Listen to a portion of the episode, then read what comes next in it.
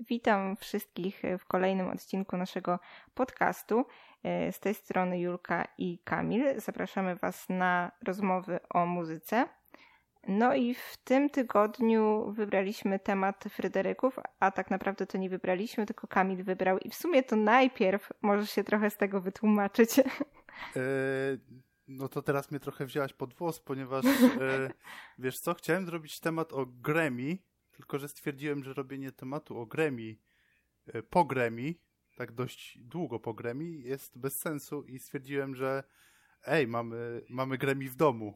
I tymi Grammy w domu są Fryderyki właśnie, a że Fryderyki odbywają się zwykle w lato, w tym roku chyba są w lipcu, to stwierdziłem, że ej, zróbmy y, temat Fryderyków zanim y, się Fryderyki odbędą i będziemy tak przewidywać będziemy spekulować i tego typu rzeczy.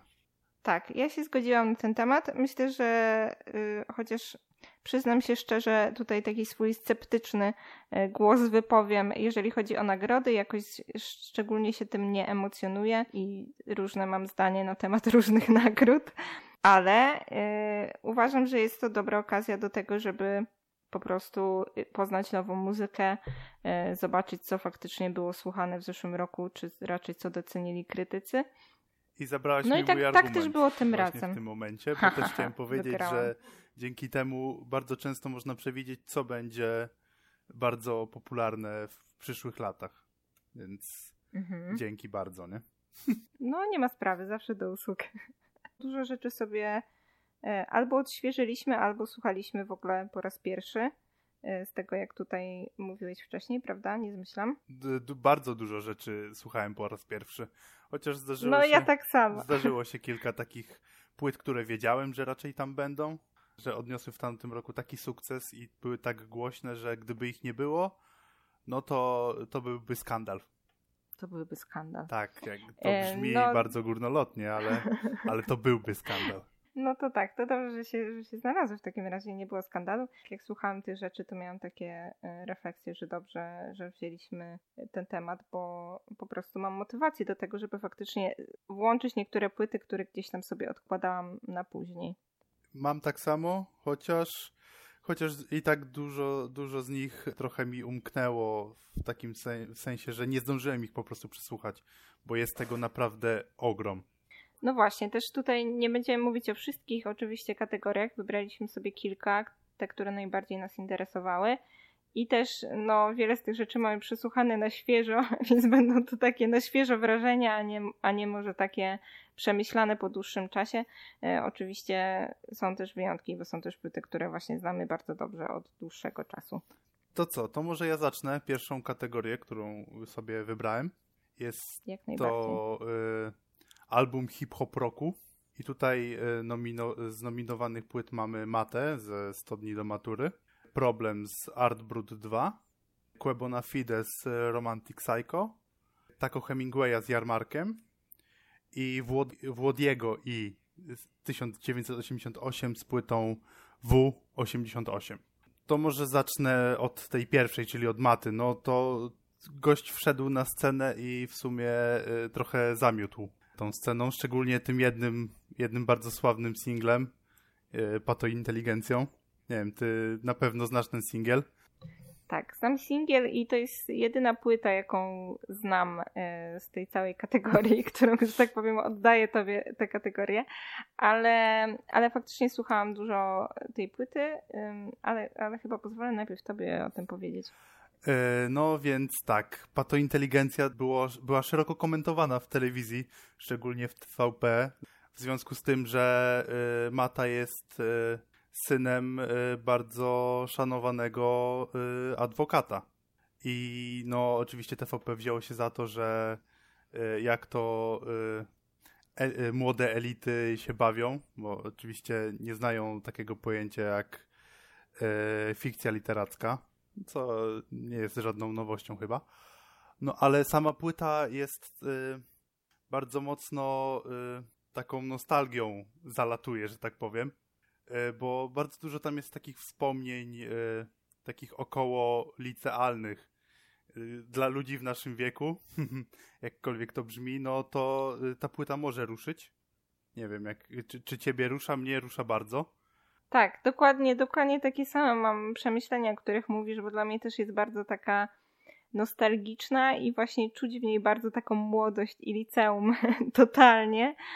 E, I myślę, że oddał taki klimat tego, co się dzieje w tym czasie z ludźmi. I mimo, że jest e, no, dość młodym twórcą, bo to jest e, deb debiut Maty, o czym pewnie jeszcze później napomkniemy w innej kategorii, ma bardzo te, oprócz takich właśnie typowo takich bangerowych kawałków jak Gombao 3-3 ze swoimi ziomalami. To też jest bardzo ciekawe, że wziął po prostu swoich ziomków, którzy nie są jakimiś sławnymi raperami i stwierdził, chodźcie chłopaki, nagramy sobie kawałek.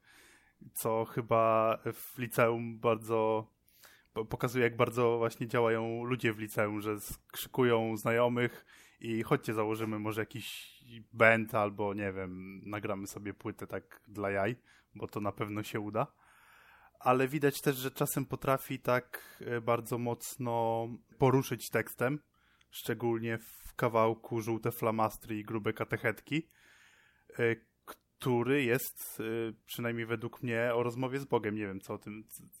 Jak, jak tak, ty ten jest... kawałek interpretujesz? Żółte flamastry to jest właśnie mój ulubiony kawałek z tej płyty. I też właśnie byłam pod wrażeniem, że poruszał taki temat, który no nie jest łatwy, i też y, tak jak ty interpretuję go jako takie zastanowienie się nad tym, czy, czy jest coś więcej. I, i bardzo mi się podoba ten, ten refren, ten, który on powtarza, że no w sumie mam więcej argumentów na to, że, że tego nie ma, ale będę żył tak jakby było. Bo to są I... takie prawdy uniwersalne, że czy, czy właśnie Bóg jest, czy nie, no to te 10 przykazań powinny być e, takim taką, takim kręgosłupem każdego człowieka, przynajmniej moim zdaniem. A nie jestem wierzącą bardzo mocno osobą, w ogóle nie jestem wierzący, nie wiem. Myślę, że, że tak, że to jest uniwersalne i takie no też jakby pytanie o to, czy jest coś więcej jest też takie filozoficzne. Fajne jest w tym to, że on nie podchodzi do tego tematu w jakiś taki płytki sposób, tylko też opisuje to też gdzieś tam właśnie przez, nie wiem, pryzmat jakiegoś swojego dzieciństwa, wspomnień i tak dalej ale gdzieś wszystko jest to naprawdę bardzo ładnie opisane i jak ktoś myśli, że Mata to tylko o, on tam śpiewa o chlaniu, czy coś takiego, no to jakby nie, zupełnie nie, tym bardziej, że nawet to, to chlanie u niego gdzieś tam ma trzecie dno i drugie, że tak powiem, to, to nawet tutaj jest taki temat, który jest wprost po prostu ciężki i, i... o, nie wiem... Też Mata bardzo często swoje dzieciństwo wspomina na tej płycie, między innymi na Le Ledzore, tak? Jak, to jest kurort w Alpach na pewno. Nie wiem, jak to się wymawia, możesz mi poprawić, jeżeli wiesz. Nie, no w każdym odcinku będzie coś pod tytułem nie wiem, jak to się wymawia, jakby jestem tego pewna. I to znając życie z mojej strony. Yy, no ale też, też. Yy, w, właśnie w tym kawałku Lezore yy, Mata po prostu wspomina, jak kiedyś był na koloniach na nartach i cały kawałek obraca się wokół takiej, no patrząc z perspektywy czasu, mało istotnej rzeczy, ale Mata ubiera to świetnie w, w taką taką naprawdę mocno nostalgiczną nutę. Dokładnie i tak totalnie mnie to gdzieś też wraca do liceum, jak na przykład też piszę to na matmie, lubię też ten kawałek. No i właśnie znowu to jest takie, z jednej strony ta płyta jest fajna, bo, bo jest w nim ta taka nostalgia i po prostu czuć tę młodość, którą ja lubię czuć w piosenkach, a z drugiej strony pod tym jego nieumiejętnościami z matmy tam kryją się jeszcze jakieś, jakieś większe przemyślenia, jakieś głębsze przemyślenia. Tak, mimo że to jest taka młodzieżowa płyta, można by powiedzieć, to ona jest y, bardzo dojrzała w swojej formie. Przynajmniej tak y, ja tak uważam. I też y, bardzo ciekawym zabiegiem było to, że podczas y, gdy lockdown się zaczynał, to Mata usunął wyłączył po prostu y, kawałek schodki ze Spotify'a, bo stwierdził, że bardzo dużo ludzi traktuje utwór schodki właśnie jako pretekst, żeby wychodzić na zewnątrz. W, momencie, w którym to wychodzenie na zewnątrz niezbyt jest, y, że tak powiem, mm, brakuje mi słowa. Pomóż mi teraz. Rozsądne. Rozsądne. Dziękuję bardzo. Może tak być? Tak, tak, tak. Ale to nie wiedziałam o tym, nie wiedziałam o tym, wiesz? To wiesz co, ciekawe. ja się dopiero o tym dowiedziałem jak w momencie, w którym chciałem przesłuchać sobie ten kawałek, bo on bardzo, bardzo mi się podobał, mówię, o, sobie przesłucham i tak nie ma. I tak y, się zacząłem zastanawiać, dlaczego go nie ma. Zacząłem y, szukać w internecie i właśnie się dowiedziałem, że, że to było głównym powodem. No to, to też ciekawe, tak. I, I zgadzam się z tym, że według mnie ta płyta też jest dojrzała, gdzieś tam zaskakująco, bo ja też pomyślałam, że przesłucham sobie tą płytę, dlatego że oczywiście był mega szum. Najpierw usłyszałam pato inteligencję i miałam takie, no spoko, ciekawe, gdzieś tam robi to wrażenie, ale, ale do tej płyty bardziej podchodziłam z takim, zobaczę o co jest ten cały hałas i gdzieś aż zaskoczyło mnie to, że jakby znalazłam tam coś więcej. I jeszcze też może chciałabym wspomnieć tutaj o, o drugim moim utworze, który bardzo lubię, oprócz, oprócz żółtych flamastrów i matmy. To za to dni do matury też wydaje mi się jest takim, chyba tam w ogóle najwięcej czuję takiej nostalgii i też rusza mnie mega, jak on też tam mówi właśnie o tacie, o mamie, że to jest takie, że on z jednej strony niby tutaj robi się na takiego kozaka, ale tak naprawdę pokazuje dużą taką swoją wrażliwość i chociażby w tym przywiązaniu do, do rodziców, czy w takim zastanawianiu się właśnie nad, nad Bogiem, nad wiarą i to jest, no to robi wrażenie, bo to nie jest takie... To, to nie jest proste, mm, żeby od razu w cool. debiucie y, uderzyć aż tak, moim zdaniem przynajmniej, że no niektórzy artyści potrzebowali jednej, dwóch płyt, żeby zacząć y, opowiadać o takich tematach, czy o takich bardzo y, no intymnych sprawach, no bo jednak wiara w Boga i twój pogląd na ten temat jest trochę e, taką intymnością moim zdaniem. A tutaj Mata nie dość, że rozegrał to pięknie, że tak powiem, to jeszcze tego da się słuchać bez takiego zażenowania, bo nieraz można e, na takie kawałki po prostu westchnąć i powiedzieć o Jezu, nie rób tego więcej. To prawda, to jest wszystko bardzo, bardzo fajnie ubrane w słowa i, i muzycznie też y, takie, że nie wiem, nie razi mnie to zupełnie i dobrze się tego słucha. I to fakt, że no wszedł tak bardzo mocno z buta od razu taki młody chłopak debiutem, więc no też jestem ciekawa oczywiście, co będzie dalej. E, ale, ale podsumowując to, to, co już jest, to y, u mnie jak najbardziej na plus. I teraz yy, przechodząc do następnej płyty, która też kusi nostalgią bardzo mocno, yy, jest to Art Brut 2 problemu i kusi nostalgią z dwóch powodów. Cała płyta ogólnie jest e, takim mocnym nawiązaniem do lat 80. E, i e, przełomu lat 80. i 90., w których właśnie panowie z problemu się wychowywali. A dwa, nawiązuje też bardzo mocno do Art Brut 1, jak sama nazwa wskazuje, Art Brut 2 jest drugą częścią, tak? I mixtape'u, który no jest już trochę legendarny w środowisku hip-hopowym. E, głównie za sprawą właśnie tej nostalgii, czyli to problem był pierwszy przed Matą. I problem na pierwszym Artbrucie zrobił to doskonale, ale moim zdaniem trochę nie dowieźli na drugim. Chociaż no takie kawałki jak w domach z betonu, w których e, jest sample y, właśnie z piosenki W domach z betonu nie ma wolnej miłości, który opowiada o chłopcu, który traci mamę z powodu tego, że ona umiera na raka. No, y, utwór jest mocny, ale cała reszta płyty moim zdaniem no, nie dojeżdża do tego poziomu. Nie wiem, czy słuchałaś kiedykolwiek problemu nie, tej płyty? Nie, Nic? Nie. Znaczy, wiesz co, ja kojarzę oczywiście go z nazwy, ale kto to, który to jest? Miałam taki plan, żeby przed tym odcinkiem e, przesłuchać też tych rzeczy, ale no nie zdążyłam, bo wygrały te, te nominacje, które gdzieś tam chciałam nadrobić bardziej. E, więc, no więc nie wiem, będę milczeć, nic nie powiem na ten temat. Jedynie to, że posłucham może za jakiś czas, bo y, nadrobiłam niektóre rzeczy, które polecam. No w sumie to jedną, ale tak bardzo się w nią wkręciłam, Którą? że nie zdążyłam reszty. No Raw Performance. O, piękne, prawda? Ojej, ale po prostu uwielbiam gościa, naprawdę. Ale wraca, wrac, wróćmy do tak. Y, Fryderyków, bo tutaj zaczniemy tak, tak, tak. latać po tematach.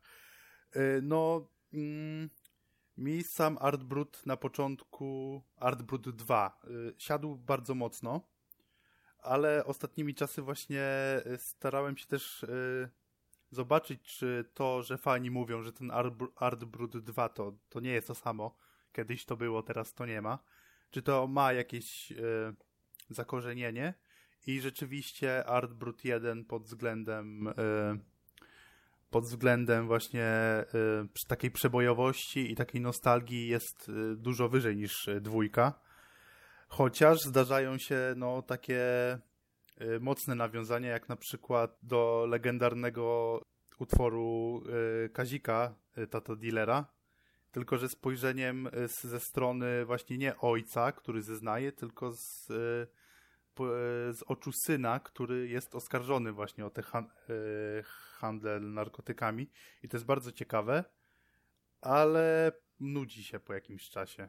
Ogólnie y, ostatnio twierdzę, że problemu jest trochę za dużo wszędzie i, i powszednieje bardzo mocno. Mhm. Tak. No, znaczy, no nie dla mnie, bo ja nie słucham. Jest bardzo, bardzo mocno takie, y, Oscar ma bardzo takie mocno uliczne flow i takie, jak pierwszy raz słuchałem problemu, to myślałem, że po prostu on nie trafia w beat i on to robi niechcący, a im dłużej tego słuchałem, tym bardziej okazywało się, że no, on nie trafia w bit specjalnie i to w pewnych momentach całkiem fajnie brzmi, tylko że no, y, no ta stylowa jest taka mm, jednowymiarowa, tam nigdy nie ma czegoś więcej. Na każdej płycie, tylko bity się zmieniają właściwie, a nawijka jest zwykle jednostajna, że tak powiem. Więc no, to, to, to nie jest najlepsza płyta, jaką słyszałem, szczególnie z tych nominacji.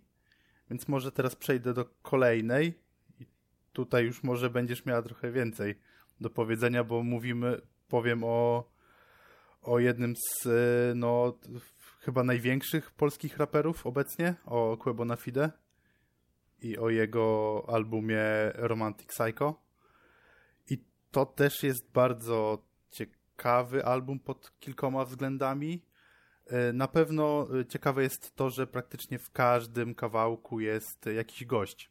Tylko minusem tego wszystkiego jest to, że bardzo często e, ten gość przysłania tak jakby gwiazdę, osobę, która powinna być gwiazdą wieczoru, czyli właśnie Kubę. Szczególnie to widać w dwóch takich kawałkach, które są bardzo znane w Bubble Tea z Darią Zawiałow który na pewno musiałeś znać. musisz znać, no właśnie nie. Nie, nie znasz tego? To nie. nie masz nie masz radia, głośników, internetu. Naprawdę to jest tak. Nie mam, nie mam radia w domu, mam telefon i laptop. To jest obecnie bardzo, bardzo naprawdę. E, jakby to nazwać? Ja mam, ja mam swoją bańkę muzyczną. E, nie, tego nie słyszałam. Słyszałam coś innego z tego. E, to jeszcze zanim y, powiesz, który utwór z tego słyszałaś, to jeszcze powiem właśnie o drugim kawałku, który mógłby ci bardziej podejść. Może to jest ten, który słyszałaś i to jest kawałek y, z Mrozem, który ma tytuł Wiza. I to brzmi totalnie jak wyciągnięte z albumu Mroza. Tylko z dodanym właśnie Quebo. Faktycznie tak, słyszałam ten kawałek yy, i zapomniałam o tym, ale jak powiedziałeś, to sobie przypomniałam, że ktoś mi go puszczał. Może I, nawet no, ja. tak, faktycznie brzmiał jak... Nie, nie, nie, inna osoba. Tym razem nie ty. Bo pamiętam, y, Asia mi to pozdra... Y, pozdrawiam. Pozdrawiam Asia, Asia mi to puszczała. Y, I tak mi się wydaje przynajmniej. Nie, tak, prawie na pewno. I faktycznie brzmi jak od mroza. I nawet, nawet okej okay to brzmiało, ale jakoś Właśnie nie, to, nie wróciłam to do tego nigdy. Brzmi okej, okay, jak chciałabyś posłuchać mroza, ale brzmi no tak. mocno nie okej, okay, jak chcesz sobie posłuchać, no Quebo na Fide, który, który... Podejrzewam, że do całości mogło pasować jak pięć do nosa. Tak, i, i tak właśnie jest. Chociaż mam czasem wrażenie, że ta płyta jest właśnie takim zbiorem, tak wiesz, jakbyś wzięła garścią ze stołu różne rzeczy i po prostu je wrzuciła do jednego wora. Tam trochę, mam wrażenie, nie ma takiej spójnej koncepcji. Przynajmniej na pierwszy mm, rzut oka, mm -hmm. bo cała, cała płyta zaczyna się tym, że no Kuba mówi, jakby to chciał odpocząć od tego wszystkiego. Jakby yy, i yy, jak bardzo miłość yy, z Natalią Schroeder, z którą jest, pomaga mu być artystą na nowo. I, i, i pokazuje, że no, ta miłość w jego życiu jest bardzo ważna i tak przechodzimy od takiej stopniowej trochę, ciężko to nazwać depresją, ale takim dołem. Im dalej idziemy... Melancholii. O, melancholia, to jest bardzo dobre słowo, bo depresja jest jednak trochę bardzo mocną, mocnym słowem. e, od takiej melancholii do, do już takiej wesołości i kończy się takim e, znowu takim bardzo spokojnym kawałkiem. To wszystko było dla ciebie z Ralfem Kamińskim, który totalnie mi nie siedzi. Nie wiem, mhm. więc... Nie, nie słyszałam go. Znaczy tak, ja mam wrażenie, że może, może gdzieś tam właśnie ktoś mi puszczał kawałkami to, ale zupełnie tego nie pamiętam. I jak, jak to słyszałam, to no nie wciągnęło mnie to na tyle, żeby faktycznie sobie włączyć tę płytę. Na pewno ten, który pamiętam, bo słyszałam w całości, um, utwór to jest Jesień z Natalią. Tak, tak. To jest właśnie sam początek płyty, który jest taki tak. spokojny. Tak. I na, na początku bardzo nie lubiłem tego kawałka. Bardziej podobała mi się, uwaga, wersja Klocucha. Nie wiem, czy na pewno słyszałaś wersję Klocucha. I mm, też jest, też jest bardzo mocno um, zaskakujące jak na klocucha, o tak bym to powiedział. Że tam naprawdę kilka takich wersów jest takich, które trafiają cię prosto w serduszko, ale, y, ale no nie o tym dzisiaj. I no jest kilka takich utworów, które na przykład, nie wiem, Tokio z Taco Hemingwayem, które brzmi jak y, z Taco na Fides, ich y, wspólnego projektu. No, dla mnie ta płyta jest trochę tak za mało spójna, w odróżnieniu na przykład od według mnie najlepszej płyty Quebo, jaką jest Egzotyka, która jest świetnie, bardzo spójna. A tym elementem spajającym jest, y, jest to, że po prostu no, Kuba wtedy latał po świecie, praktycznie po całym, więc masz takie wycinki, na przykład, nie wiem, hip-hop taki czysty z USA, jakieś y, takie rytmy z Afryki, takie y, bardziej takie plemienne, no tam czuć tą spójność, a na Romantic Psycho w ogóle, w ogóle tego nie czuję. Mhm. No to szkoda, bo ja akurat uwielbiam takie spójne płyty i jakby to jest dla mnie najwyższy poziom zachwytu i podziwu, jak jest jakiś koncept album albo album, który po prostu właśnie jest taki bardzo spójny i można się doszukiwać w nim całości, e, więc no więc szkoda, ale tak jak mówię, ja się nie będę wypowiadać, bo słyszałam bardzo wybiorczo tę płytę i to też to nie są takie klimaty, które mnie jakoś y, ruszają. I też dla mnie też jest to bardzo znamienne, że dla mnie najlepszym kawałkiem z całej tej płyty jest kawałek, którego na oficjalnym wydaniu, które możesz teraz dostać w sklepie, nie ma. Jest tylko na tej preorderowej wersji, która się nazywa y, y, azja, y, wersją azjatycką, bo ta normalna nazywa się europejską, a ta ta bardziej rozszerzona jest to wersja azjatycka i to ten kawałek nazywa się Złote Globy, w którym no czuć, czuć ten hip-hop, już te, czuć tego, tego Quebona Fide. A na całej tej płycie były momenty, w których, w których go słychać, ale, ale było to bardzo rzadko.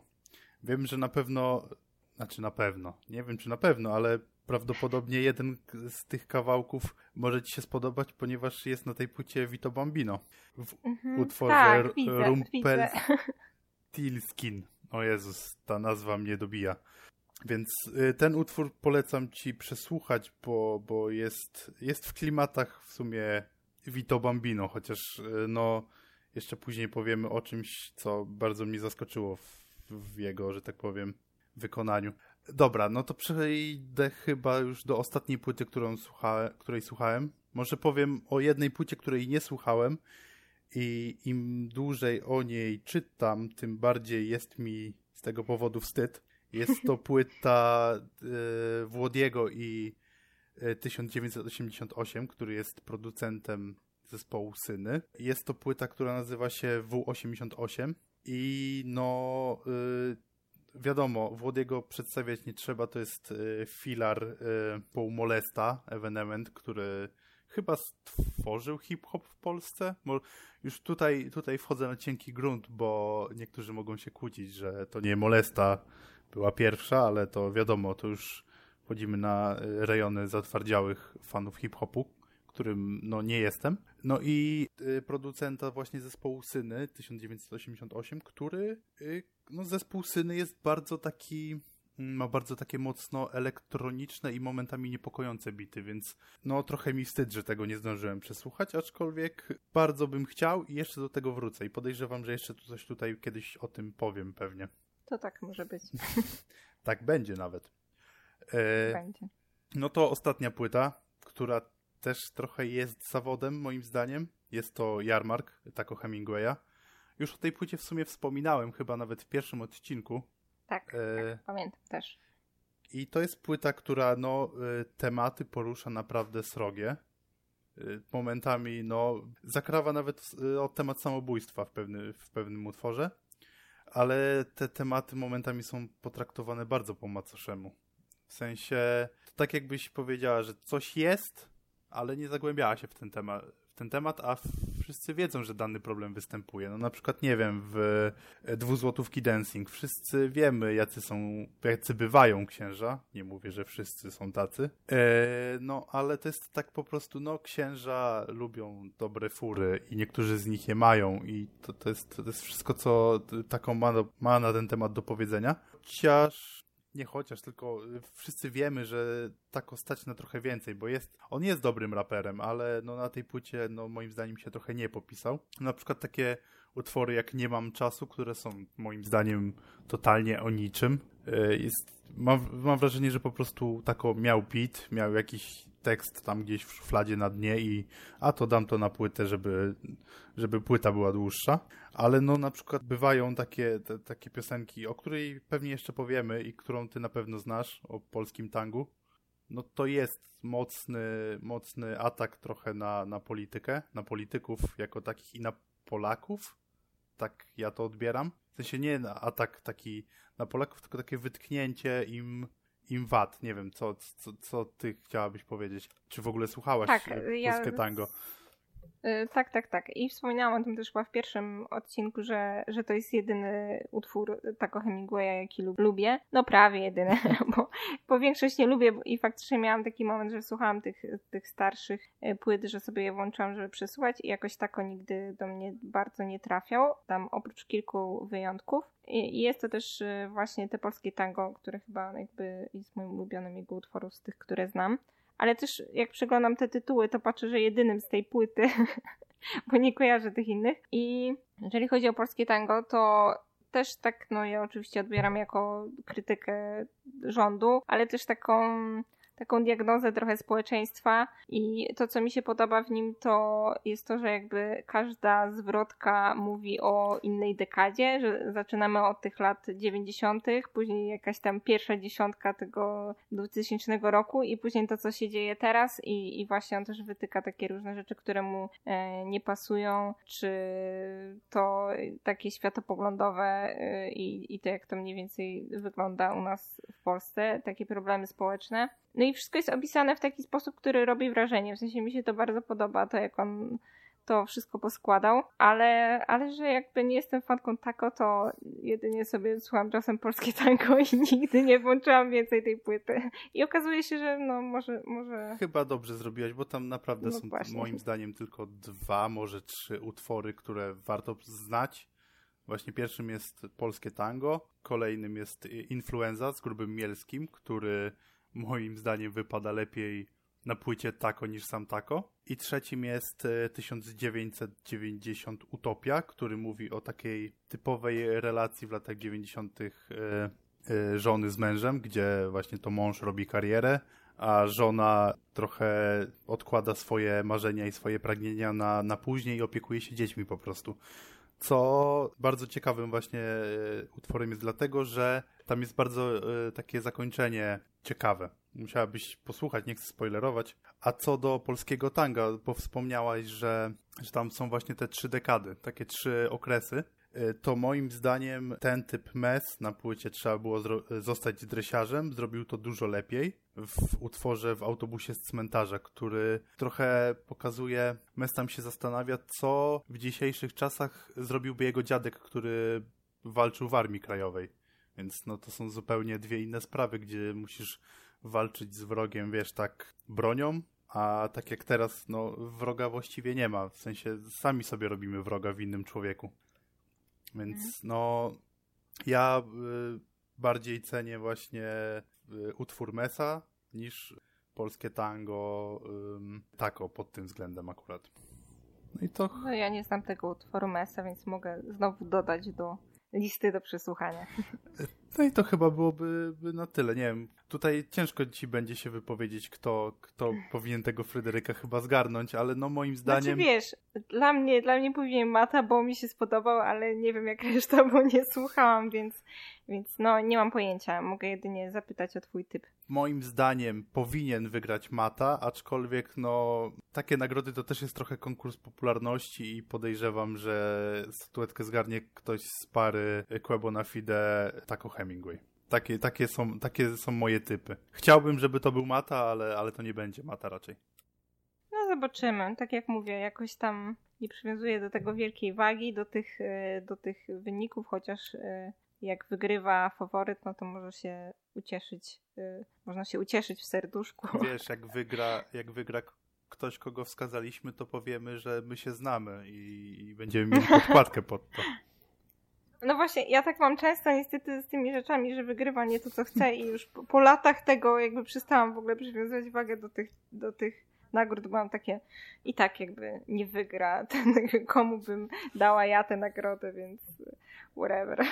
Rzeczywistość mnie tutaj tak nauczyła, że tak powiem. No dobra, no to tyle ode mnie w tak zwanej mojej kategorii na ten, na ten moment. Oddaję głos do studia w Toruniu. E, dziękuję bardzo. E, słyszymy się to teraz ja się może trochę rozgadam. Album roku pop alternatywny. Jak się okazuje, taka kategoria, która najbardziej do mnie przemawia. Chociaż co to znaczy pop alternatywny? Nie wiem, ale faktycznie albumy z tej kategorii to są te, które gdzieś najbardziej są mi bliskie. Chociaż jeszcze mam jedną kategorię, którą bardzo lubię, no ale te są mi najbardziej bliskie. E, no i jeżeli ktoś słuchał e, pierwszego odcinka, albo jeżeli ktoś mnie zna trochę lepiej, to prawdopodobnie wie, kto tutaj jest moim faworytem, e, a mianowicie Vito Bombino. No i tutaj myślę, że od tej poczekalni zacznę. Dobrze, bo, proszę. Dziękuję bardzo. Bo jest to jeden z moich ulubionych yy, wokalistów. Nie, to jest mój ulubiony wokalista polski obecnie. E, Dawid, e... Dawid Podsiadło właśnie w tym momencie się obraża na ciebie. Rozpłakał się. Tak, właśnie, właśnie do mnie napisał, znaczy... że jest mi smutno. Dawid, Dawid jest, powiedziałam dlatego obecnie, tak? Bo Dawid to jest jakby moja miłość od dawna i przepraszam cię, Dawid. Dawid też cię kocham. No i tak, y, więc y, poczekalnia. Ogólnie jest to też właśnie album taki dosyć mocno koncepcyjny, y, tak samo jak wcześniejsze albumy Witaminy. Bo jeżeli ktoś nie wie, no to Vito, Vito Bombino jest to też również wokalista właśnie zespołu Witamina. I Witamina wydała kilka albumów, ale te dwa moje ulubione, czyli Plac Zabaw i Kawalerka, jest to spójna opowieść, co więcej, są to jakby dwie części tej samej opowieści. Zaczyna się na placu zabaw, przechodzi do kawalerki i Vito zapowiada w wywiadach, że to będzie trylogia i, i będzie jakby jeszcze o takim zadomowieniu album, który zakończy tę opowieść, ale poczekalnia właśnie jest tutaj takim trochę przedłużeniem tego, czymś takim pomiędzy. E, co, co mnie bardzo ekscytuje i w ogóle ogromnie czekałam na, na tę płytę. I, I się nie zawiodłam, chociaż wydaje mi się, że Plac Zabaw i Kawalerkę lubię bardziej, to, to i tak uwielbiam, uwielbiam tę poczekalnię i tak jak mówię, że jest ona kontynuacją tego, tego, o czym wcześniej śpiewał na tych płytach, no to może o tym chociażby świadczyć fakt, że zaczynamy na tej płycie od ślubu naszego głównego bohatera, e, a kończymy piosenką, która jest imieniem y, dziecka, które tam niedawno przyszło na świat.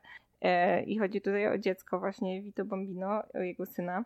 I faktycznie Vito ma to do siebie, mam wrażenie, że on pisze bardzo właśnie o, o swoim życiu, o swoich odczuciach co oczywiście jakby dla mnie nie jest tak, że artysta musi tak robić, żeby, żeby mnie to interesowało, żeby odniosło sukces, ale ale lubię to, ale lubię to, jakby. Jest to, jest to fajne. E, I, i dosyć mocno mnie to rusza, bo jest w tym dużo, wydaje mi się, właśnie takiej, takiej szczerości.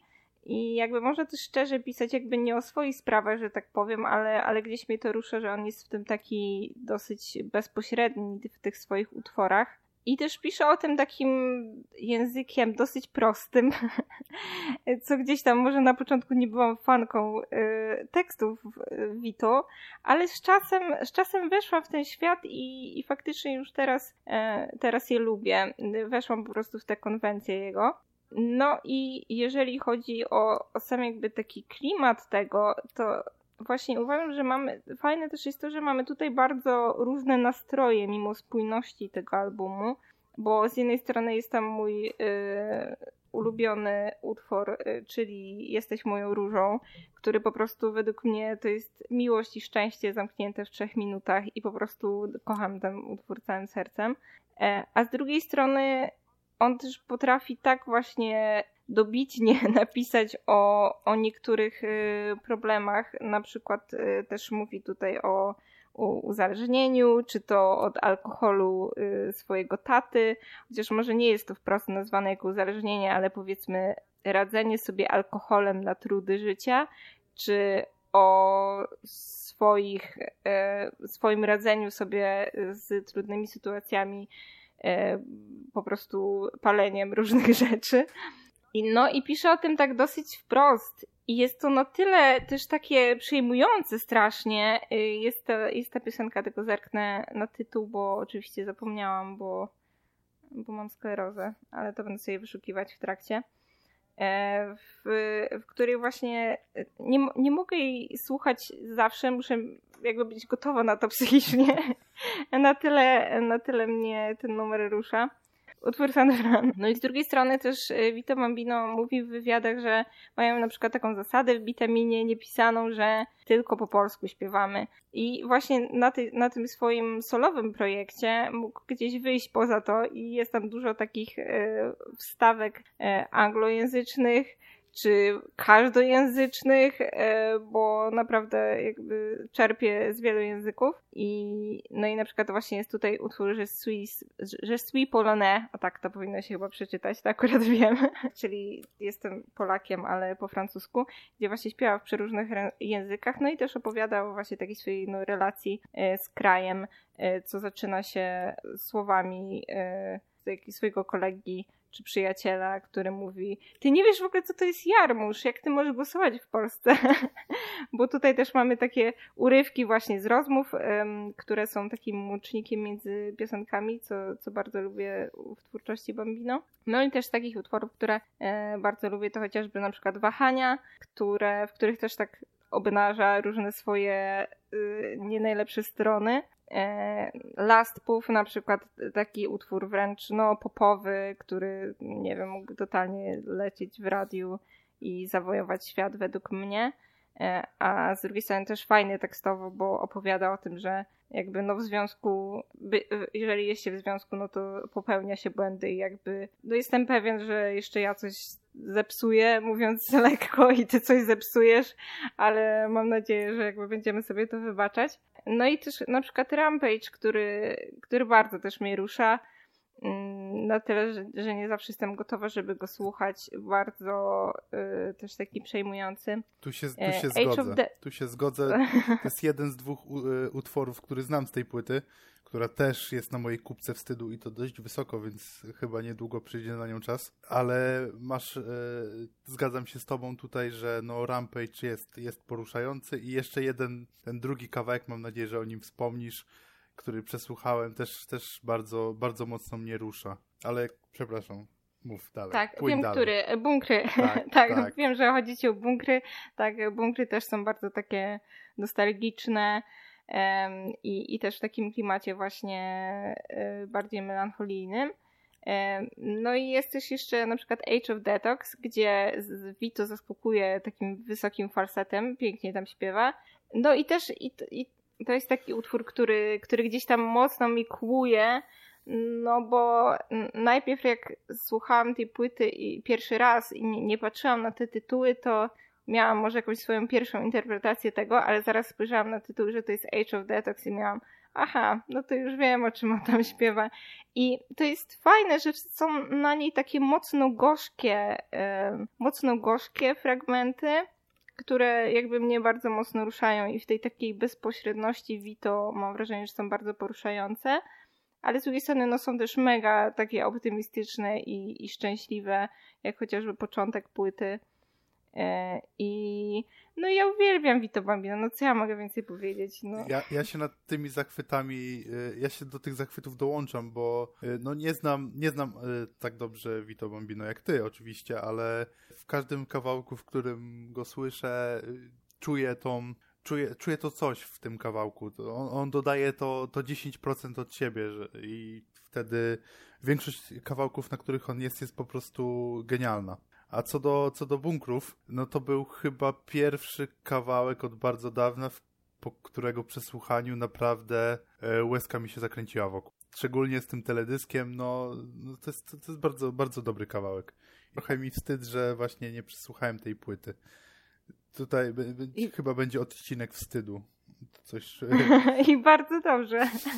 bardzo dobrze jest ci wstyd, bo, no bo ja uważam, że naprawdę warto i miałam też okazję rozmawiać y, z Vito mm, dwa razy przy okazji koncertów i zrobił na mnie wrażenie niesamowicie w ogóle takiego pozytywnego, otwartego człowieka, że no, no ja się tylko nim zachwycam i jakby tutaj brak krytycyzmu z mojej strony będzie.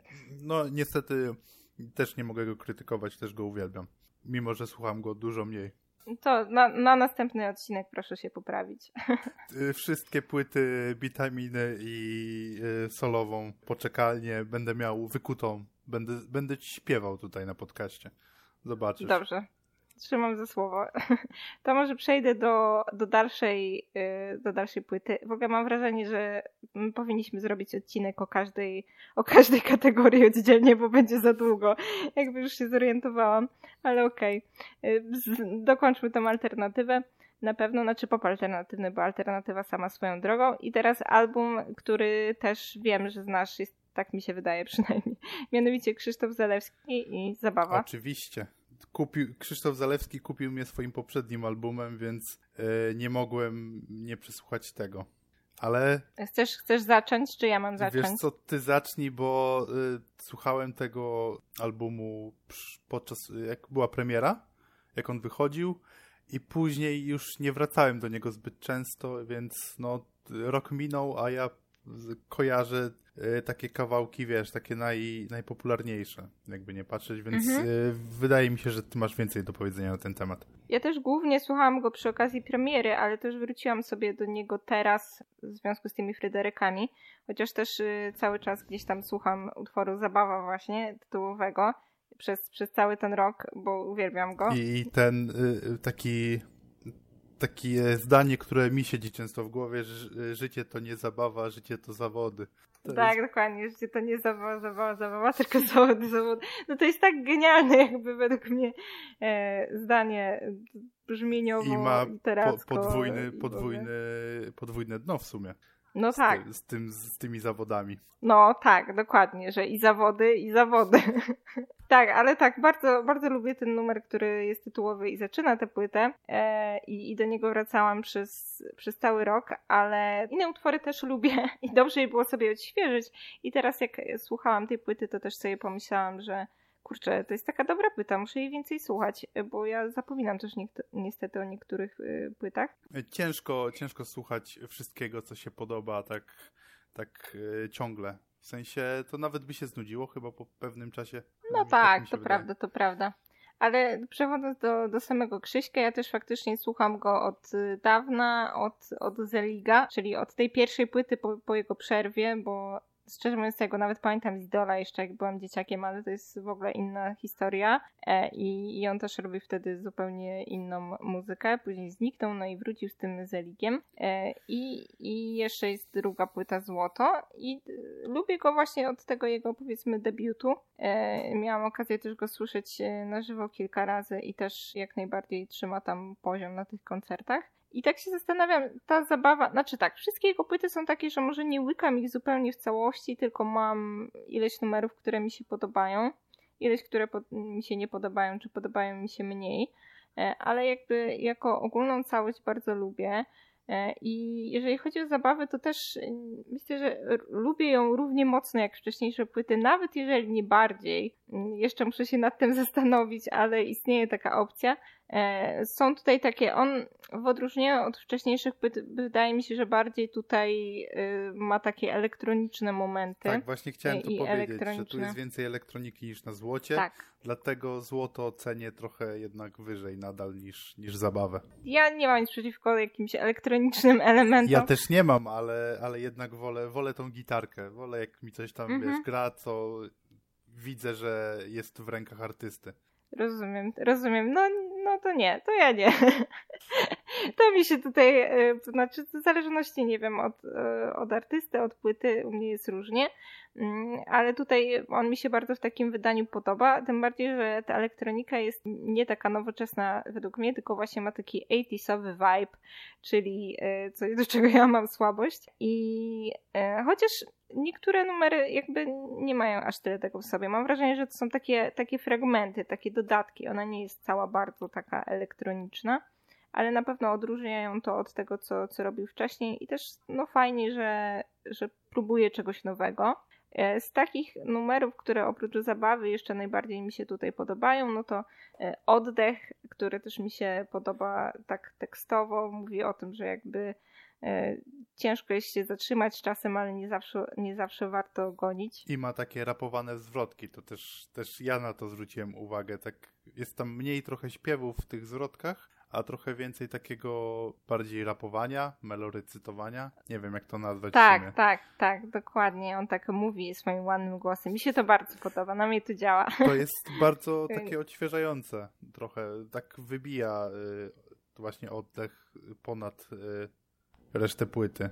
Tak przynajmniej mhm. ja, ja tak uważam. Tak, tak. Tak, o, to, to jest taki trochę inny numer, ale jakby mi on bardzo siadł od początku i też coś takiego innego niż, niż on robi zazwyczaj ale dla mnie jak najbardziej na plus. E, też na przykład e, utwór taki mój trzeci, najbardziej ulubiony, to jest Ojcowie. E, no też tutaj akurat w sumie tak jak Vito stał się tatą ostatnio i gdzieś tam jest element z tym związany też na płycie. Mm, tylko Nocą też na przykład, czy, czy Lustra, takie bardzo dynamiczne, to też są numery, które mi się bardzo podobają. No tutaj się zgadzamy w pełni ogólnie.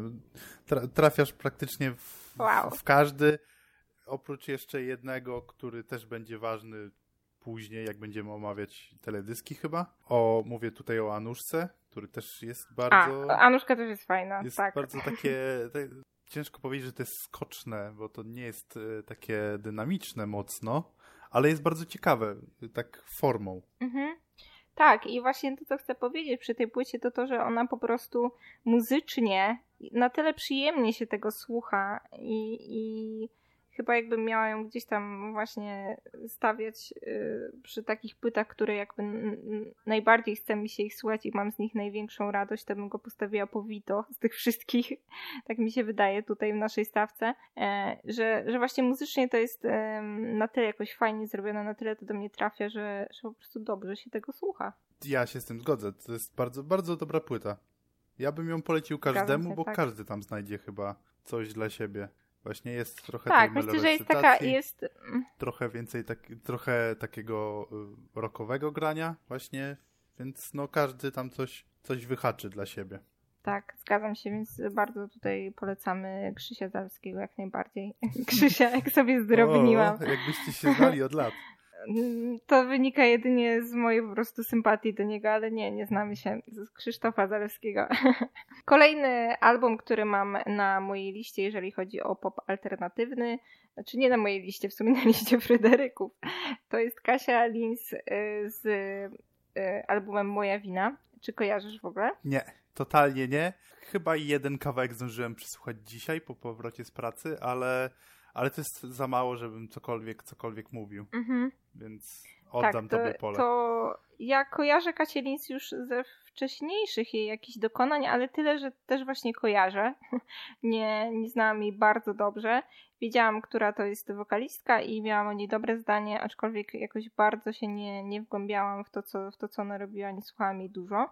Jeżeli chodzi o ten album Moja Wina, to miałam okazję zobaczyć taki, taki performance wręcz, który wyszedł przy okazji tego, bo zaraz po premierze tej płyty, takiej w formie, no, że tak powiem, tylko audio, to również powstał taki, taki spektakl, powiedziałam, taki koncert koncert połączony ze spektaklem. I to można było obejrzeć, to było jakoś chyba w maju bodajże, na pewno w tej takiej dosyć mocno pandemicznej em, rzeczywistości. I to właśnie dzięki mojej ówczesnej współlokatorce, pozdrawiam Asię znowu, miałam okazję obejrzeć, bo, bo ona gdzieś tam to puściła i mi zaproponowała taki seans. E, I faktycznie Kasia Nins robi muzykę taką też mocno stylową i specyficzną, bo, bo ten cały album ma taki dosyć teatralny y, wydźwięk y, w swoim charakterze. I tutaj też było takie taki koncert, ale trochę też spektakl. Tam między innymi występowała Anna Gacek, Ola Domańska, Król. I, i były tam takie fragmenty tego, że ja, że ja po prostu tak nie rozumiałam trochę tej wizji artystycznej, ale jakby jestem pewna, że ona tam była. I w ogóle to było fajne, bo to jest faktycznie coś zupełnie innego i coś oryginalnego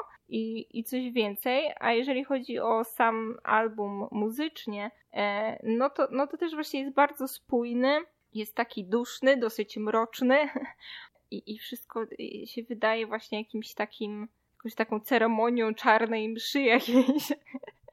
Tylko nie, nie taką, że tam jakiś tam e, metal czy coś takiego, no właśnie miałem, ale jednak jest taki klimacik. Miałem wizję Ozziego Osborna y, czarnej no to, mszy, tak, to, wiesz.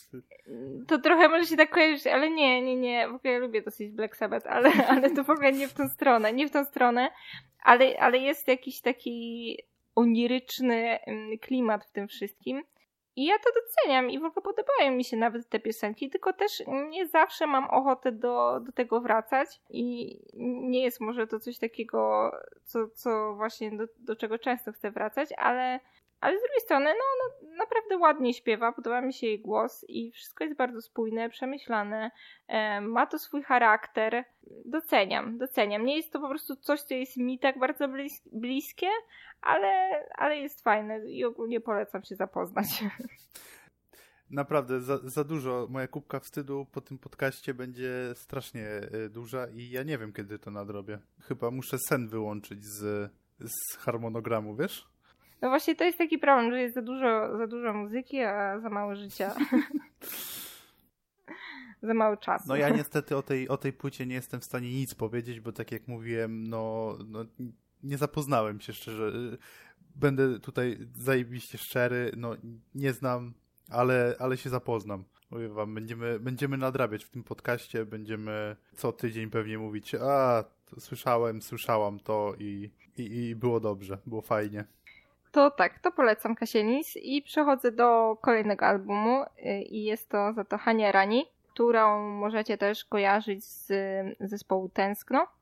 Nic, nic, nic mi to nie mówi. Ja chyba naprawdę jestem tą y, drugą, tą połówką tego podcastu, która się nie zna na muzyce. Nie no, po prostu to, to zależy od kategorii, o tak. Każdy, każdy ma swoje kategorie, tak? Ja Hani Ranie kojarzyłam już wcześniej, słyszałam jej jakieś piosenki, chociaż nie jestem w stanie powiedzieć, które, ale wiedziałam, jaką robi muzykę. E, też Hania zrobiła niedawno muzykę do filmu Piotra Domalewskiego, Jak najdalej stąd i bardzo ten film polecam, chociaż wiem, że to jest off-topic i mówimy o muzyce, ale, ale nie będę sobą, jak nie polecę tego filmu.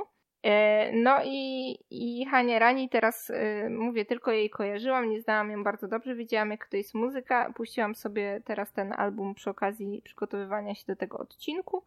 Album nazywa się Home. No i jest tam głównie fortepian, y, chociaż zdarzają się też inne instrumenty, kontrabas też jest bodajże i, i nie tylko, ale wszystko gdzieś kręci się wokół tego fortepianu czy pianina. I też Hania tam śpiewa, E, chociaż nie jest to, mam wrażenie, też na pierwszym planie, tylko na pierwszym planie jest to piano. Jest to wszystko bardzo takie subtelne i no nie jest zupełnie popowe, mam wrażenie, e, bo gdzieś bardziej no, no, nie ma tam takiej struktury typu refren, zwrotka i tak dalej, refren, zwrotka. E, I mi się to bardzo podoba. Tak jak ja słyszałam już Hanie wcześniej, to, to miałam takie, że no wow, coś innego fajne, robi wrażenie. I trochę jest jak z Kasią Lins, która jakby no jest jej zupełnie inna muzycznie, ale też mam takie, podoba mi się to, doceniam to, chociaż może nie trafia to tak super do mnie i po prostu muszę mieć ochotę na, na taką muzykę, żeby to sobie włączyć i może nie mam jej tak bardzo często, ale, ale robi to wrażenie na pewno i też polecam Hani Rani, po prostu mam wrażenie w zależności od tego, kto co lubi, co do niego trafia, ale też doceniam, że, że jest ktoś taki na polskiej scenie muzycznej. twojego opisu wynika, że to, jest, to byłaby dobra y, muzyka do nauki. Taka właśnie pianinko. Może być do nauki albo, no znaczy no też zależy kto przy czym się lubi uczyć. No, może niektórzy albo... wolą Black Sabbath do, do nauki. Więc... tak też może Takich być. ludzi też pozdrawiamy Ale... i szanujemy. Jak najbardziej. Ale tak, znaczy wydaje mi się, że też ten album może on też y, może zyskiwać przy takim skupieniu. Ja też po prostu muszę go przesłuchać trochę, trochę więcej razy i może właśnie w trochę większym jednak skupieniu na tym albumie i takim wyciszeniu, bo jest to coś jednak takiego bardzo subtelnego, ale ja lubię w ogóle bardzo muzykę y, też taką fortepianową. E, dziękuję mamo za klasyczne wychowanie. Ja lubię sobie nawet czasem Rachmaninowa na przykład włączyć czy Satiego. I tutaj no są to inne klimaty, ale jednak to się kręci dosyć mocno wokół tego fortepianu. Zresztą sama Hani, Hania jest wykształcona klasycznie, co no słychać mam wrażenie na tym albumie. No i doceniam i polecam. I też, i też muszę jakby właśnie troszkę więcej czasu potrzebuję z tą płytą i, i trochę więcej skupienia na niej, żeby może powiedzieć ewentualnie coś więcej. Czyli to w, tutaj nie każdy znajdzie coś dla siebie i może być tak, że no to jest pierwsza taka płyta, która wymaga skupienia, żeby, żeby coś, coś tam dla siebie znaleźć. Z twojego opisu przynajmniej tak wynika. Chyba tak, myślę, że tak. No nie jest ona tak, tak łatwa w odbiorze, bo nie jest jakby, mówię, tak piosenkowa. E, też to, co może mi e, dla mnie sprawia to, że potrzebuję skupienia, to jest to, że to jest jednak mocno taka subtelna płyta. Według mnie taka delikatność od niej bije.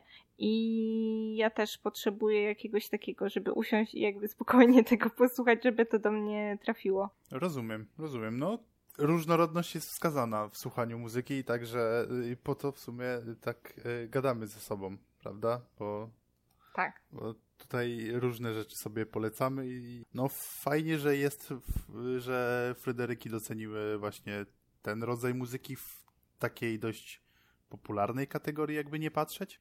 Chyba? Tak, tak właśnie też jakoś tak nie, nie, nie nazwałabym tego popem alternatywnym, ale może faktycznie ja mam bardzo duży problem z rozróżnianiem tych gatunków, więc znaczy, no, no one, to jest też, nie jest to muzyka jakby taka klasyczna, tak? To są takie utwory przystępne, ale do pewnego stopnia, że tak powiem. Nie tak bardzo przystępne może jak reszta. E, ale polecam jak najbardziej. Naprawdę, naprawdę fajne. Szczególnie jeżeli ktoś lubi taką muzykę refleksyjną, melancholijną. To tutaj Hania Rani polecam, e, ale to wszystkim polecam, bo warto znać. I może przejdę już e, do kolejnego albumu, mianowicie Artur Rojek i Kundel. Mam wrażenie, że większość osób kojarzy Artura Rojka. A jak ktoś nie kojarzy, to, to niech teraz zastopuje, y, dokształci się i wróci dopiero wtedy, bo nie znać Artura Rojka to trochę wstyd, moim zdaniem przynajmniej. No, to jest... No chyba tak. No właśnie tak. Powiem Ci, że to, co mi się tutaj najbardziej jakby nasuwa, to to, że ja jakby w odróżnieniu do reszty tej płyty miałam takie, no jakby Artur Rojek, no to jest już taki, taka klasyka. Wiesz, wiesz I czego taka się ikona swego Arturu, rodzaju. Arturu Rojku, prawda? To jest tak... tak, dokładnie. Dokładnie. Ja słyszałam gdzieś chyba, nie wiem, z jeden czy dwa utwory z tej płyty wcześniej. No, nie wiem, nie chciało mi się trochę jej przesłuchiwać i miałam takie, ale dobrze, posłuchałam jej sobie przy tym przygotowywaniu się do tego odcinka. Znaczy, bo też chciałam ją znać, ale po prostu nie byłam entuzjastycznie nastawiona. I faktycznie, jakby mam wrażenie, że nic nowego, ale mówię, może byłam trochę, trochę negatywnie nastawiona po prostu do niego. I no kto, znaczy tak, ja lubię dosyć Rojka i lubię na przykład, nie wiem, utwór Syreny bardzo z tej zeszłej płyty, czy, czy Bekse też lubię, ale Tutaj nic mnie tak nie, nie zapadło mi żaden numer w pamięć z tej płyty. No i też właśnie mam wrażenie, że nic nowego nie wnosi. W sensie ja to szanuję, jakby wiem, że Artur Rojek jest legendą, ale właśnie wolałabym, żeby może dostał tutaj nagrodę w tej kategorii ktoś, kto jest mniej znany, mniej doceniany i nie tak legendarny. No, ja z całej tej płyty jestem w stanie chyba tylko wyróżnić w nikogo nie wierzę tak jak w ciebie jest właśnie o, o związku, o, o tym właśnie, tak jak prędzej mówiłaś przy okazji Vito Bambino, że no, każdy popełnia błędy ale w związku i, i trzeba nauczyć się trochę z tym żyć, pracować nad tym, żeby tych błędów było jak najmniej. A cała reszta płyty, no tak, przyjemnie się tego słucha, jak się tego słucha, ale jakoś tak nie mam chęci wracać do tego. Przynajmniej mhm. ja, ja tak no właśnie, no tak, ja też y, tutaj, szczerze mówiąc, mi się ten Artur Rojek trochę przejadł i ja już nie mam na to ochoty. I no pewnie jacyś fani, nie wiem, wyobrażam sobie, że mogą być jakby zadowoleni z tej płyty i okej, okay, rozumiem to. Ja też nie jestem jakąś wielką fanką jego głosu i sposobu śpiewania i jakoś trochę mnie to męczy, trochę mnie to nudzi i tak jak mówię, najbardziej chyba oddaje to to, że mi się to po prostu przejadło i jakby szanuję tę płytę i myślę, że w ogóle każda z tych płyt w tej kategorii jest dobra na swój sposób, ale gdzieś najmniej e, ja jestem entuzjastycznie do tego nastawiona. Wiesz, jak teraz naraziliśmy się fanom e, Artura Rojka i Myslowic? My już nie mamy życia ogólnie. W... ale przecież mówię, że szanuję. No nie, nie mogą ode mnie fani wymagać, ale, żeby mi się ale to podobało. Ale powiedziałaś, tak? że, że nie wrócisz, to jest wiesz... Fani w internecie bywają bezlitośni. No trudno, będę musiała jakoś z tym chyba żyć. Ale też polecam, nie no posłuchajcie sobie, bo to jest dobra płyta, tylko no mi się to przejadło.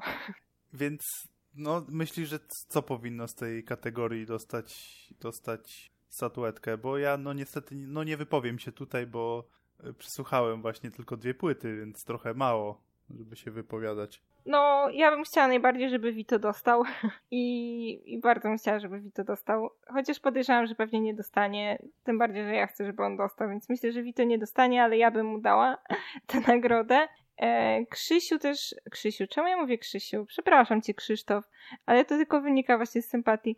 E, Krzysztof e, zrobił coś nowego na tej płycie i też e, uważam, że zasługuje na tę statuetkę. Kasia Linz, duża oryginalność, też coś nowego. Hania tak samo, także uważam, że jakby no niestety tutaj Rojka trochę wykluczę, bo tak jak powiedziałam, wolałabym, żeby ktoś może mniej doceniony, legendarny dostał tę statuetkę. Kto, kto dostanie, jak myślę, kto dostanie, ciężko jest mi to przewidzieć. Może Kasia Lins, bo nie wiem, jest dużo argumentów za tym, że to coś faktycznie zupełnie takiego oryginalnego. Może Krzysztof Zalewski, bo wydaje mi się, że dosyć mocno jest jakby popularna ta płyta, mimo wszystko, w porównaniu do reszty. A może mój ukochany Wita, ale wątpię. Moim zdaniem dostanie Krzysztof raczej, chociaż no mówię, nie zapoznałem się z właśnie dwo, dwiema płytami z tej kategorii, więc ciężko mi tak trochę rzucać wyrokami, ale no chciałbym, chciałbym, żeby Krzysztof Zalewski dostał statuetkę, bo to jest naprawdę dobra płyta. Też bym chciała. Ja też bym się ucieszyła. W sensie najbardziej się cieszę, jak dostanie Vito, ale troszkę mniej ucieszy się Krzysztof Zalewski, ale też się bardzo ucieszę, bo to jest super płyta i, i w sumie też no, trzymam kciuki za to, za to, żeby dostał też, no bo nie każdy może być wygranym, ale dla nas każdy jest wygranym. Wszyscy są wygrani, jeżeli się dobrze bawicie. tak, tak, tak. No nie, ale to prawda, że Krzysztof to jest super płyta też. Wiesz, że gadamy trochę długo i chyba podzielimy mhm. ten y, podcast na dwie części, co? Tak, będzie, tak, będzie chyba najlepiej, y, może zakończymy ostatnią kategorię i, i zrobimy część drugą i wtedy y, słuchacze może będą trochę łatwiej im się będzie tego słuchało, no bo trochę już mamy na liczniku. Mm, tak, okazało się, że jednak tyle płyt to jest za dużo i Musimy to podzielić po prostu. To co? Zakończymy może albumem rockowym. I to jest, dla mnie to jest y, trochę śmieszna kategoria, patrząc na to, co, co jest nominowane, więc zacznę od końca. Co tam do cholery robi Majka Jeżowska? W sensie... tak, no ja, ja, mam to samo pytanie. Ja bardzo szanuję Majkę Jeżowską, ja y, lubię jej piosenki, które są nomen omen dla dzieci i y, one, y, ich się bardzo przyjemnie słucha, ale album rockowy. Jedyne, co ma wspólnego ten album z rockiem jest to, żeby, że jest to album z Woodstocku. I to jest, to jest wszystko, co... Ja myślę, że dlatego ona trafiła do tej kategorii, bo nie wiem na jakiej innej planecie ta muzyka to jest rock. I chyba też tylko dlatego, że podczas ostatniego kawałka krzyknęła Slayer, więc no, nie wiem, nie wiem, nie wiem jak działają wybory w tej, w tej kategorii. I też trochę nie rozumiem, e, już tak przechodzę trochę do drugiej płyty, bo nie wiem, masz coś do powiedzenia o, o Majce Jeżowskiej, o tej płycie? No tak, tak, tak. Znaczy z tego względu, że ja byłam na tym koncercie. Co prawda tej płyty nie słuchałam, ale słuchałam ją live, że tak powiem, bo byłam na Polendroku i e, faktycznie oprócz Krzyśka, którego tam, e, Zalewskiego, którego tam zobaczyłam i się cieszyłam, że go widziałam na żywo, to, to drugim takim fajniejszym koncertem był, e, znaczy jednym właśnie z fajniejszych był zespół, e, był koncert e, Majki Jeżowskiej i, I to było niesamowite, bo wszyscy w ogóle ludzie, których może by się nie podejrzewało o to, świetnie się tam bawili i śpiewali te piosenki dla dzieci, wracali gdzieś myślami do dzieciństwa. Było tam tyle takiej pozytywnej energii i, i takiej fajnej zabawy. I jakby jak najbardziej mi się to podobało, ale nie wiem, jakim cudem to jest rok. No, ja ci, ja ci tego nie wytłumaczę, naprawdę. No, nie mam, nie mam pojęcia, nie mam bladego pojęcia. I... Więc raczej ciężko to porównać do innych płyt. Tak. Z tej kategorii. Chociaż y, też jest y, płyta Edyty Bartosiewicz, która nazywa się Ten Moment, która też z rokiem ma mało wspólnego. Sama Edyta Bartosiewicz moim zdaniem jest... Ona by świetnie pasowała właśnie do y, kategorii pop alternatywny, bo to no ja też bym ją widziała bardziej w tej kategorii, inaczej patrząc na jej stare rzeczy. Bo no nie wiadomo, y, granice tutaj gatunków muzycznych są dość płynne, ale to, co prezentuje właśnie na tym, na tym krążku, to jest, to jest pop. I to jest właśnie pop taki coś jak zaprezentował właśnie Artur Rojek na Kundlu i tak bardziej w tą stronę, bo jedyna taka taki kawałek, który z tej płyty brzmi trochę bardziej rockowo niż reszta, to jest cyrk. A cała reszta to jest właśnie taki pop, taki balladowy i, i kompletnie nie rozumiem y, tego, jak, jak te... Kto wybierał te płyty? W sensie nie rozumiem tych nominacji troszeczkę. Szczególnie tych dwóch. Bo no tak już po tej kategorii trochę się śliźniemy, bo tutaj no co można powiedzieć o tych dwóch płytach, skoro zastanawiamy się jak one tam trafiły w ogóle ale jest też płyta, właściwie to nie jest płyta zespołu Acid Drinkers, tylko płyta będąca tributem dla zespołu Acid Drinkers, która nazywa się Ladies and Gentlemen on Acid, w której właśnie różni zaprzyjaźnieni często artyści grają covery Acid Drinkers yy, w swoim stylu, chociaż właśnie problemem tej płyty jest to, że ona jest trochę nieciekawa bo tam jest sporo zespołów, które grają muzykę bardzo podobną do AC Drinkers. Nie wiem, ty kojarzysz w ogóle e, AC Drinkers? Tak, no kojarzę Titusa jak najbardziej. Tak, Titus jest bardzo, bardzo taką barwną postacią na scenie. No, tak, tak. Ja, ja, przyznam, że lubię jakby słuchać jak on mówi, bo jest to dosyć takie wydarzenie, tak, że tak ma, powiem. Ma bardzo specyficzny jest... sposób mówienia, to tu się zgodzę. Tak, tak. Ale jest charyzmatyczny i tak kojarzę jego pasuje i jakieś różne takie, różne śmieszne akcje, które tam robił. I sam, samej muzyki Acid Drinkers, no kojarzę tam kilka piosenek i jakby wiem mniej więcej jaka to jest muzyka, ale że nie jest to moja bajka, to, to jakoś nie słuchałam ich, bo jednak trochę za bardzo jest to takie darcie ryje, że tak powiem. No i właśnie taki jest trochę problem z tą płytą, że to jest niby tribute dla Acid Drinkers, który brzmi jak wykonanie Acid Drinkers, więc mm, ten tribute jest trochę niepotrzebny. W sensie ni nic ciekawego na nim nie znajdziesz. No, zdarzają się takie perełki, jak na przykład e, The Joker e, Krzysztofa Zalewskiego, który jest bardziej... To muszę, to, to muszę tego posłuchać. Bardziej elektroniczny. Bardzo elektroniczny w porównaniu do, do oryginału, który jest takim typowym trash metalowym łojeniem, to no to bardzo się wyróżnia na tle tej płyty. I My Soul Among the Lions, który w oryginale jest taką wolną balladą, tak można to powiedzieć, a, a dzięki Kasi Nosowskiej no jest taki bardziej, bardziej bluesowy. Mhm. No i też jeden kawałek, który stwierdziłem, że wyróżnię, ale bardzo mocno na minus, jest kawałek Blues Beatdown, on jest o tyle ważny w całej dyskografii AC Drinkers, e, że ten kawałek śpiewał e, Olas, czyli gitarzysta e, Acidów, który zmarł na, na raka bodajże. I właśnie wszyscy, wszyscy fani kojarzą ten konkretny kawałek z, tym konkret, z tą konkretną osobą i z tą konkretną tragedią. I on jest y, na koncertach zawsze śpiewany przez gita y, obecnego gitarzystę. W Acidach ten gitarzysta bardzo często się zmienia i to jest takie oddanie hołdu, a tutaj Ania Rusowicz no trochę y, skrzywdziła moim zdaniem ten, ten utwór i tak no on nie brzmi tak jak oddanie hołdu bardzo ważnej postaci w, w zespole. Jak, jakbyś potraktowała utwór po macoszemu trochę. Mhm. No, to, to faktycznie też nie zachęcające. No... I podejrzewam też, że byłoby to ciekawsze, gdyby właśnie zespoły w jakimś innym klimacie zupełnie wykonywały te numery. Tak, a tu są właśnie takie... Niż, niż samym jest Acid Drinker. Takie zespoły jak właśnie Illusion, który gra bardzo, bardzo podobną muzykę. Właśnie sam yy, yy, Lipa kiedyś grał w ogóle w Acid Drinkers, więc no ciężko tutaj... Yy, ciężko tutaj w ogóle mówić o, o czymś nowym. I tak jest z kilkoma tymi, z, właściwie z większością tych kawałków, więc no cała ta płyta jest dla fanów jest ciekawostką i to taką ciekawostką na raz. Większość fanów nigdy do niej nie wróci, podejrzewam. No a dla nowych słuchaczy po co słuchać tributu, który brzmi gorzej niż oryginał i, i właściwie kopiuje ten oryginał. Więc no, moim zdaniem płyta do zapomnienia. Przejdę do następnej płyty może. I tą płytą jest płyta, którą, której obiektywnie nie umiem ocenić, bo jest nagrana przez mój ulubiony zespół. Jest to płyta Anno Domini 2020 grupy Lux Torpeda. Bardzo długo czekałem na tą płytę, bo 4 lata przerwy było y, między nagraniem właśnie My Was Wy Nas, a właśnie Anno Domini.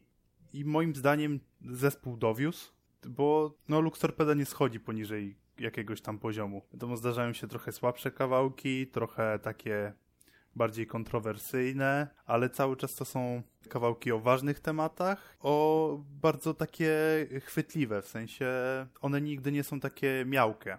No i tutaj też jest kilka takich, takich kawałków. Jest to w ogóle pierwsza ballada, taka w pełni ballada, która się nazywa, i teraz uważaj, Mata Rapaty Taparatam, pisane łącznie.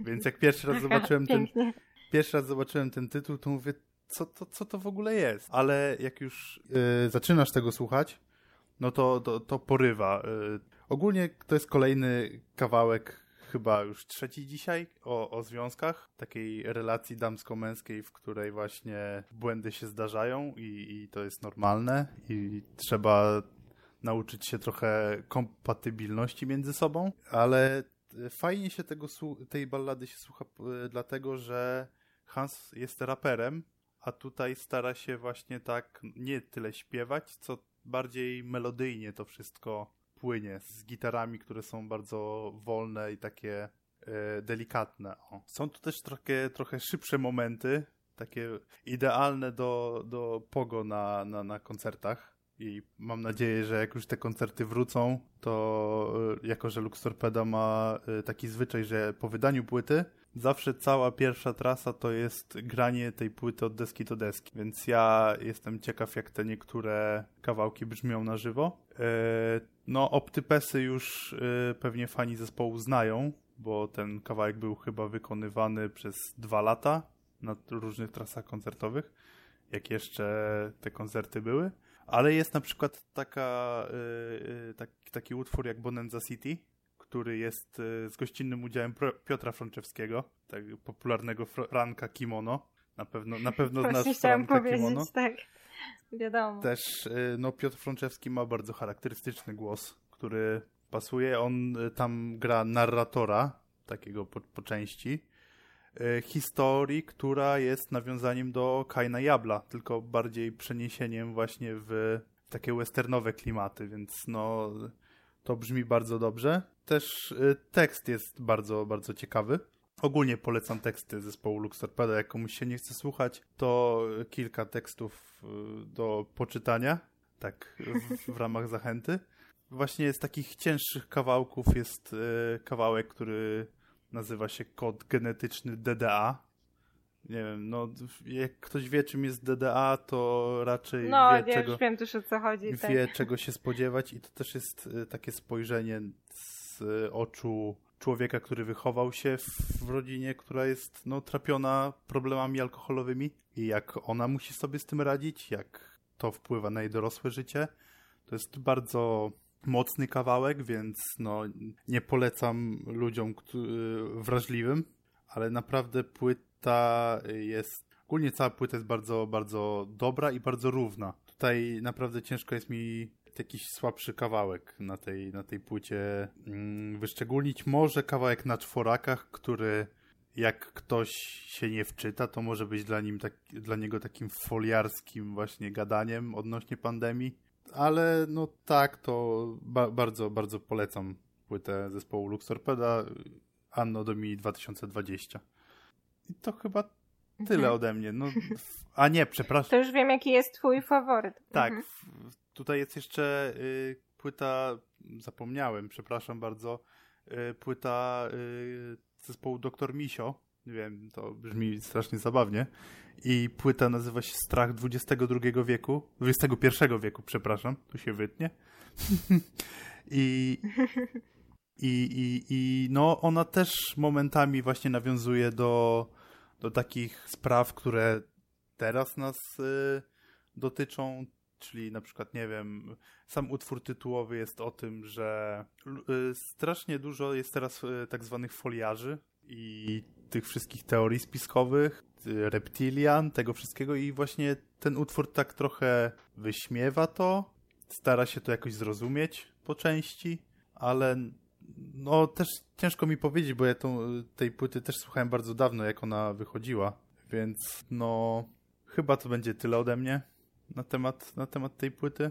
Wiem, że nie za dużo, ale, mhm. ale nie, no dobrze, bo i tak nie, nie możemy się za bardzo rozgadywać, więc wiesz, jest okej. Okay.